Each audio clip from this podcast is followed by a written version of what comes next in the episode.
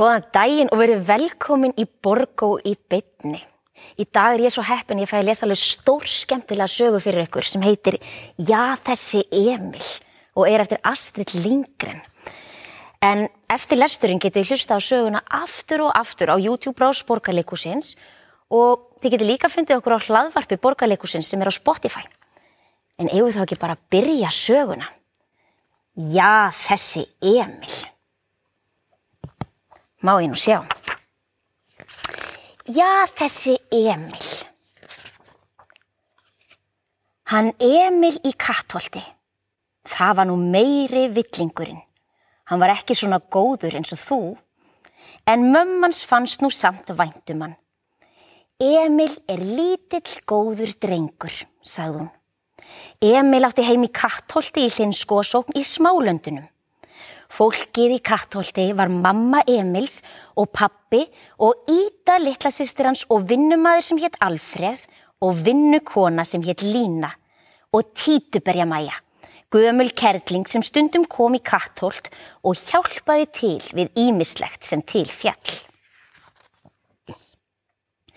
Það voru líka kýr og hestar í kattholti og kindur og grísir og hænsni og einn köttur En sá sem mest fór fyrir af öllum, það var þessi Emil.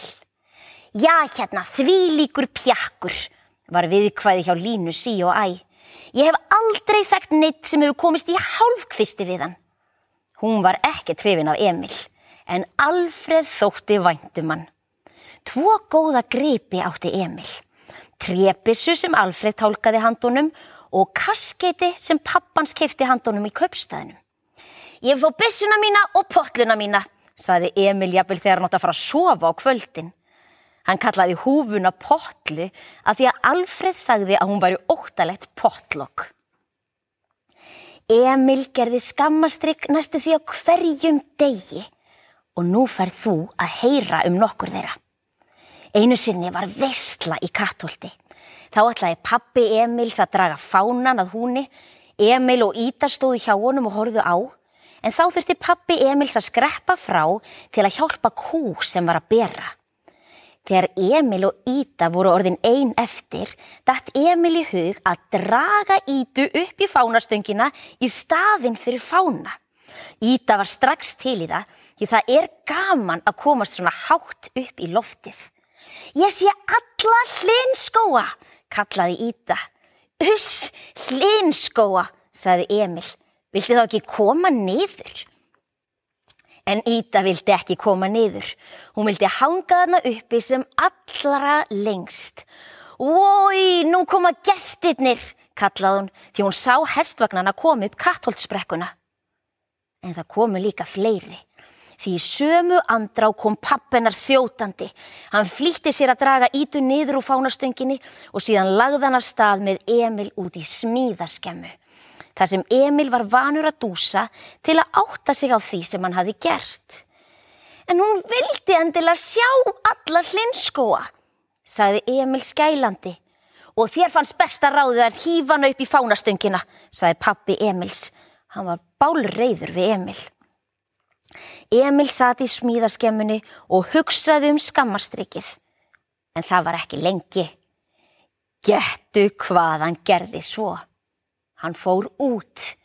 Hér get ég ekki setið matalus meðan allir aðrir eru í veistlu, hugsaðan. Svo bjóð hann til brú úr glugganum á smíðaskemmunni yfir í gluggan á matarskemmunni og þar skreiðan yfir. Í stórum skáp í matarskemmunni gemdi mamma Emil skóða pilsu sem hún ætlaði að gefa gestunum. Mér þykir líka pilsa góð, hugsaði Emil með sér. Lína kom síðan að sækja pilsuna. Enga pilsu fann hún í skápnum. Hún fann bara Emil. Hann láðar á hillu og svaf og allt í kringum hann var skænið utan að pilsunni. Og þarna hafði hann leigið í marga klukkutíma meðan allt fólkið í kattoltinu leitaði grátandi að honum. Hann hafði næstum getið næstum alla visslupilsuna áður en hann sopnaði. Aðeins smá biti var eftir þegar Lína kom. Já, hérna, því líkur pjakkur, var línu þá að orði. Einu sinni höfðu þið í kattolti mjög góða súpu með grænkáli í hátegismat. Emil hámaði í sér tvo disk af súpu. Síðan stróðan höfinu, höfðinu niður í súpuskálina til að södra upp í sér löggin af skálarbotninum. En það hefði Emil betur látið ógjert. Æ, ég er fastur, æfti Emil. Því lík ósköp sem gengu á í kattholti. Allir tóguði Emil til að losa hann úr skálinni en ekkert gekk. Mammans og pappi eruð að fara með hann til læknis. Þú getur ímyndaðir hvað læknirinn var hissa þegar lítill strákur í súpuskál kom stormandi inn til hans. Góðan daginn, saði læknirinn. Hvað ert að gera með þetta á höfðinu? Emil neyði sig því að hann vildi heilsa kurtisislega. Að hugsa sér, hann rak skálina í skrippborð læknisins. Pom, heyrðist og skálinn fór í tvent. Svo læknirinn þurfti ekkert að gera til að ná Emil úr skálinni. Kattholtsfólki fór heimaftur og pappi Emils lindi skálina saman og sett hana á eldhúsborðið. Þá var Lína glöð. Nú verður aftur kjötsúpa í kattholti, sagði hún. En þegar Emil og Íta voru alein í eldhúsunum kvöldið, þá sagði Íta, hvernig fórstu að því Emil að koma höfðinu í skálina? Það var engin vandi, sagði Emil. Ég gerði bara svona. Og síðan skrækt hann aftur. Ægi, ég er fastur aftur. Í sama byli kom mamma Emil sinn í eldhúsið og var þá ekki súpuskálinn hennar komin aftur á höfuðið á honum. Þá var henni nóbóðið. Hún þreif skörungin og sló honum í skálina svo brotin þeittust út um allt. Pom heyrðist og Emil varð aftur frýr og frjáls. En skálina var aldrei hægt að gera við aftur. Einu sinni í berjatíðinni gerðist nokkuð voðalegt í kattholti. Emil átti grís sem var kallaður grísalingurinn og grísin eldi Emil alveg svo hundur. Grísalingurinn var að spíkspora einn og sjálfur út í svínastíu þegar Emil kom lappandi með skjólu í hendinni. Grísi, e, grísalingurinn hjælt að Emil væri að færa honum mat en þar skjáttlaðist honum. Emil var að fara með skjólinn út í brekku því að hún var full af gerjuðum kissuberjum sem höfðu orðið eftir þegar mamman sprukkaði kissuberjavínið. Farðu með þessi ber og grafðu þau niður í sorphauðin Emil, saði mammans vegna þess að þegar kissuber eru gerjuð þá verður maður fullur af þeim og svoleiðis ber er best að grafa niður. En það vissi Emil ekki. Honum fannst að grísalingurinn gæti alveg eins fengið þau svo hann heldi berjunum og jörðina til þess að grísin hans gæti getið þau. Haninn kom líka og kroppaði upp eins mörg og hann gatt. En síðan gerðist þetta voðalega.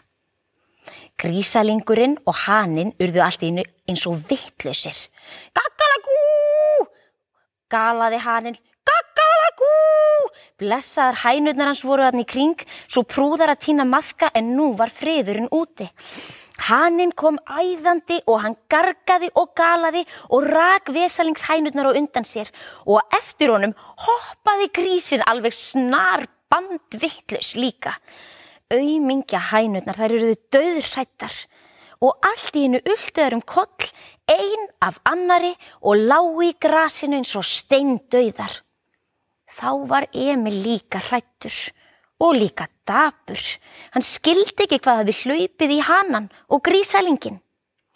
Það er kannski eitthvað í berjunum, hugsaðan. Hann tók nokkur ber og smakkaði á þeim. Síðan fekk hann sér fáinn í viðbút að þjónum fannst berinn svo góð. Þegar kattholtsfólkið settist við kringlóta eldhúsborði til að borða kvöldmattin, þá vantaði Emil. Lína, sagði mamma Emils, farðu og gáða því hvort Emil er úti hjá grísalingnum. Lína fór en kom aftur að vörmu spori. Hvað, þú ert undur fyrðuleg, sagði mamma. Hefur eitthvað komið fyrir? Hm, ég veit ekki hvað skal segja, sagði Lína. En hænurnar er að minnstakosti dauðar. og hanin er fullur og grísalingurinn er fullur og Emil er líka fullur. Er hægt að hugsa sér nokkuð voðalegra. Það var þvílik sorg og harmatölur í kattólti að varðla er hægt að segja frá því. En næsta dag var Emil allskáð, já, en næsta dag var Emil allskáður og þá fór mammans með hann í góðtemplarahúsið og hann varð góðtemplari. Það þýðir að hann gekk í stúku og lofaði að verða aldrei fullur á æfinni framar. Og það varð hann heldur ekki, aldrei nokku tíman. Grísalingurinn og haninn voru líka ódruknir eftir þetta og hvað hænunum við kemur, þá voru þær ekki dauðar. Þær fjallu bara í dá sem betur fer. Einn morgunin vaknaði Lína við það að stærðar rotta hljóp yfir andlitið á henni. Lína hljóðaði svo hátt að allir komið þjótandi fram til að vita af hverju hún hljóðaði svona. Rottur í eldhúsinu, það er þokkalegt, saði pappi Emils. Er geta getið allt brauðið okkar og fleskið. Já, og mig, sagði Lína. Þessa rottu skal ég veiða, hugsaði Emil og það var fallega hugsað. En það sem Emil gerði var ekki eins fallegt. Um kvöldið sett hann róttu gildruna undir eldhúsborðið. Hann held nefnilega að róttan færi þanga til að leita bröðmólum á gólfinu og álpaðist þá í gildruna. En þannig er mál með vexti að pappi Emils var vanur að læða sperrfættur fram á mornana. Hann drakk morgun kaffið sitt laungu áður en nokkur annar kom á fætur. Og svo næsta morgun kom hann fram, berfættur eins og venjulega og rak stóru tána beint í róttu gildrunans Emils. Mamma Emils vaknaði við að pappi Emils öskraði fram í eldhúsi svo það heyrðist um alla sveitina og þegar hún sá að þetta var ekki rotta, heldur pappi Emil sem var fastur í gildrunni, þá reif hún Emil upp úr rúminu og hljóp með hann út í smíðaskemmu til að pappi hans Emils fengi tíma til að jafna sig aðeins áður en hann hitti Emil. Og það var ekki nóg með það. Sama dag ætlaði mamma Emils að sjóða slátur í hátdeismattin. Þegar svo Emil loksins kom úr smíðaskemmunni þá stóð stór eflis leirfatt með sláturjökki á eldhúsborðinu. Vesalings pappans var hérna að kvíla sig því hún var svo illt í stóru táni. Hann hafði lagt sig í grasið undir eldhúsklukkanum og nú langaði Emil til að gleðja pappa sinn. Sjáðu pappi, það er slátur í matin, kallaðan og setti fatið í klukkakistuna. Hann hallaði fatinu svo pappan sæi betur og erði gladur en nú fór illa. Emil misti takið og jökkið stiftist yfir pappans.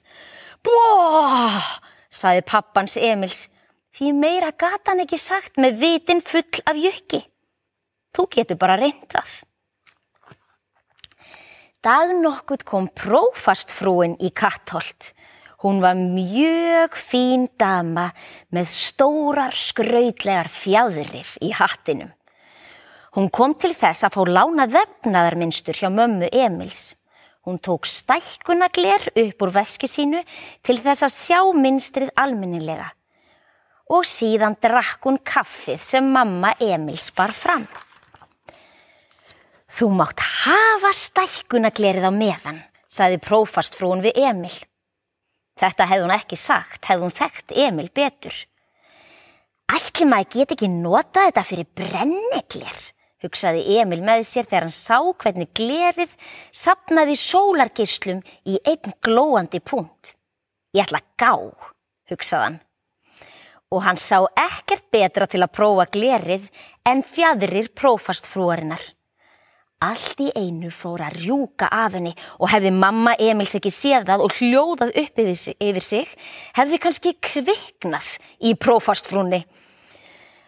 Það var samt ekki meiningin saði Emil og var reglulega leiður. Ekki meiningin, við skulum vona það, en samt sem áður því líkur pjakkur. Það sem eftir var dagsins satan í smíðaskemmunni. Það leið að því að Emil byrjaði í skólanum.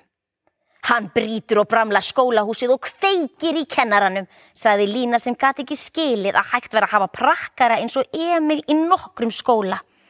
En þar skjáttlaðist Línu. Að hugsa sér, Emil var bestur í sínum bekk og ekki gerðan mörg skammastrek í skólanum. Samt var það eitt atvik sem lengi var hleyið að í sveitinni. Hann stóð upp í töfluna og var að reikna mjög þungt dæmi og þá sagði kennslukonan. Gott Emil, nú mátt þú fara í sætið. Það gerði Emil en um leið og hann fór fram hjá kennaraborðinu, beigð hann sér niður og rakk kennslukonunni rempingskoss beint á munnin. Það hafði engin skóladrengur gert áður og kennslukonan stokk róðnaði. Af hverju, af hverju gerðir þú þetta, Emil, stamað hún. Ég gerði það bara af gæsku minni, sagði Emil og kennslukonan var ekkert reið við hann, þvert á móti. Í fríminótunum ætlaði einn af stóru strákunum að stríða Emil. Þú sem kistir kennslukonuna, sagðan. Já, sagði Emil. Vilt að ég geri það aftur? En það gerðan ekki. Emil kisti kennslukonuna bara einu sinni og þá gerðan það rækilega. Einn haustdag fór kattholtsfólkið á markað í Vimmabæ. Emil þann dag átti bæjarstjórin afmæli og hann held stóra fína visslu í fína húsinu sinni í aðalstræti. Kattholtsfólkinu uh, var ekki eins og gefur að skilja bóði þangað. En þau áttu nú samt að fá hátegismat hjá frú Petrellu sem bjó í næsta húsi við bæjarstjórabústaðin. Af því að frú Petrellu hafði svo oft verið bóðið í kattholt og hún var því stöku sinnum að endurgjálta bóðin. Emil viltist í þvögunni á markaðinum svo hann varð of setni í matin og loks þegar hann fann húsið hennar Petrellu var ymmit að opna garðsliðið Já og loks þegar hann fann húsið hennar Petrellu og var ymmit að opna garðsliðið þá sá hann gott freði litla. Svon bæjastjóran sprang á stultum í bæjastjóragarðinum. Viltu lána mér þær svo litla stund, sagði Emil þó hann hefði aldrei gengið á stultum. Á meðan sátu mamma Emils og pappi og íta litla á verundinni hjá frú Petrellu og voru byrjuð að borða bláberjasúpuna. Þó að auðvita væri mamma Emils döður hrætt um litla týnda drengin sinn. Og hann skila sér víst, sagði frú, frú, frú Petrella og það gerðan. Hann kom þjótandi inn um gluggan með braki og brestum og stakst á höfuðið í blábyrjasúpuna. Það er nefnilega svo erfitt að ganga á stultum. Vesalingsfrú Petrella æfti upp yfir sig og fjalli yfirlið á gólfið. Fljót fram í eldús og sættu kallt vatn, saði pappi Emils og mammans hljóp fram í eldús og pappan sá eftir henni. En Emil var fljótari. Hann þreif skálina með blábyrjarsúpunni og heldi öllu saman yfir frú Petrellu til þess að hún rankaði við. Hó, saði frú Petrella og hún rankaði svo sannarlega við. En pappi Emils var bálreiður. Emil skrapp út stundarkort meðan pappan sjafnaði sig. Emil gerði mörg önnur skammarstryk á markanum í Vimabæ. En eitt gott og sniðugt gerðan líka. Hann útvegaði sér hest, lítinn, fallegan, brúnan hest sem héttur Lukas. Hann fjekk hann alveg ókeppis að hugsa sér. Lukas kýtlaði svo mikið að engin réð við hann. Engin nema Emil sem var mesti hestamadurinn í sveitinni. Oh, Hirtu skeppnuna svo ég þurfi ekki að hafa hana fyrir augunum, öskraði feiti hrossa kaupmaðurinn sem hafi kift Lukas á markaðnum án þess að vita hvað hann var kýtlinn. Þú mátt trúa því hvað Emil var gladur. Brátt þurfti kattholdsfólkið að halda heimleiðis en fyrst vildi Emil sína Gottfrið hestin sinn. Emil held að myndi gleðja Gottfrið en Gottfrið var bara reyður þegar Emil kom ríðandi. Og svo segir pappa ég og lítið til að fá hest, skræktan. Og hér kemur þú átt hest og samt ertu ekkert starra en ég. Ó, hvað gott fröð vildi gætnan sína pappa sínum að litlir strákar gætu líka átt hest. En bæjarstjórin var að halda vistlu og satt til borðs í stóra vistlusalunum. Ég skal sína pappaðinum Lukas, sagði Emil og svo reyðan beintin í salin þar sem stóra vistlan stóð sem hæst. Hvað sérðu nú? gargaði gott frá pappa sinn. Sérðu að þeir eru til sem eiga hest? Vistlugjastinni hlóu allir. Allir nema bæjastjórin. Hann vildi ekki fá hest í visluna sína. Hann vildi fá að borða ammælistertuna sína í friði. Tertan stóðan á litlu borði og hún var þakin þeitt um rjóma. En er hægt að hugsa sér nokkuð voðalegra. Lukas sló aftur fótunum undir borði svo rjómatirtan þeittist yfir þveran salin beint framann í bæjastjóran. Nú er vist best að ég fari heim í kattolt, hugsaði Emil og þeittist út um dyrnar. Sunnudag nokkutn í kattholti. Í nóvember var aftur vissla í kattholti. Það voru oft haldnar visslur þegar Emil var lítill því það voru ekki svo margar aðrar skemmtanir í þá daga. Emil gerir ekki skammarstreik þegar við höldum visslur, saði mamma Emils gladlega. Hún hjælt það. Visslan stóð allan daginn og Emil gerði engin skammarstreik. Þegar fór að dimma um kvöldið, saði mammans. Emil skrefti út og lokaði hjá hænsnunum. Hún vildi að Emil lokaði hænsnakofanum svo reppi kæmist ekki inn til að stela sér hænu. Emil hlíti. Hann lokaði hænsnin inn í hænsnakofanum og setti hespuna fyrir. Síðan koma við í svínastíginni og heilsaði upp á grísin sinn. Þú skalt fá visslumat í kvöld. Ég sapna leifum að diskunum handa þér, saðum við grísalingin. Svo fór Emil og hann krækti líka vandlega aftur dýrunum á svínastíginni. Bak við svínastíguna stóð frissabúð, en kamarinn í kattholti hafði þetta fína nafn. Emil var óttalega utan við sig. Hann var búin að loka hænsnakofanum og svínastíginni og nú, af tómu óðagoti, krækt hann aftur hurðinni á frissabúð. Og það hefðan betur látið ógert af því að pappan satar inni. En Emil skokkaði burt og söng gladlega á hlaupunum, lok, lok og læs, lok, lok og læs og allt í stáli. Auðmingja pappi Emils. Nú sat hann lokaður inn í frissabúð og komst ekki út. Hann barði og sparkaði í hurðin en það var til einskis. Óh, hvað hann var reyður. Ekki einu sinni almennilegur gluggi á frissabúð. Bara smá gluggabora efst uppi við dyrunum. Út skal ég, öskraði pappi Emils og reyndi að tróða sér út um gluggaboruna. Með ískunni hefstað, sagðan. Einmitt þá, stóðan fastur og þarna hjekkan og kom skvorki fram niður aftur. Langa lengi hjekkan hann í slagveðrinu því að það var hellir rigning og pappi Emils renn blotnaði. Ekki bætti það skapið. Loks kom Emil og ætlaði að færa grísalingnum visslumatinn. Þá rak hann augun í pappa sinn. Ói, barasta það sem getur gerst. Hlöft eftir Alfreð, hvæsti pappi Emils og Emil hljóp. Alfreð kom með stóru sögina og sagaði pappa Emils lausan. Öðruvísi gekk það ekki. Og meðan Alfreð sagaði stóð Emil upp í litlum stega og hjælt reglíf yfir pappa sínum. Svo það ringdi ekki á hann, en pappans var ekkert hætis hót þakklátur. Hann hjælt að hann væri að ofkælast. Nei, þú ofkælist ekki, sagði Emil, því aðalatriðið er að vera þurr í fætutna. Og sannarlega var pappi Emils þurr í fætutna, samt var hann bálreiður. Þegar Alfred var búin að saga nóg og, sagði, og pappi Emil slunkaði sniður, þá fleiði Emil frá sér reglifinu og tók á rás út í smíðaskemmu. Á harða spretti þauðan inn og hespaði aftur að innanverðu, rétt áður en pappans þreif í hurðina en svo hefni fyrir Emil. Opnaðu! gargaði pappi Emils, en það gerði Emil ekki. Þá hespaði pappans fyrir að utanverðu og fór aftur inn í veisluna.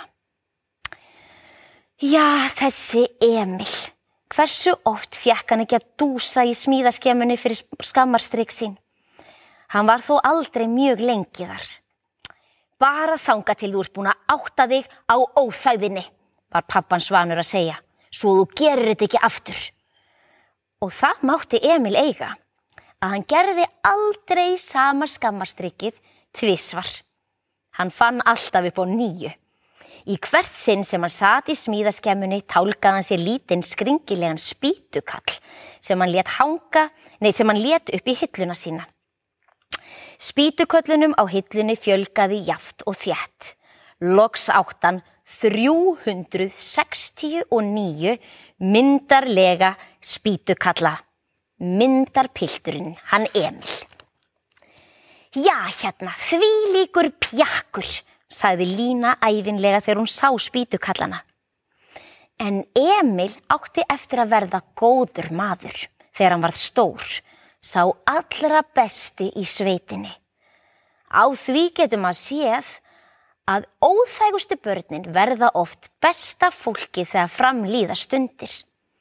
Og það er gott að vita. Og þannig hljómuðu, hljómuðu þessar litlu sögur af honum Emil. Já, þessi Emil. Takk kærlega fyrir að hlusta.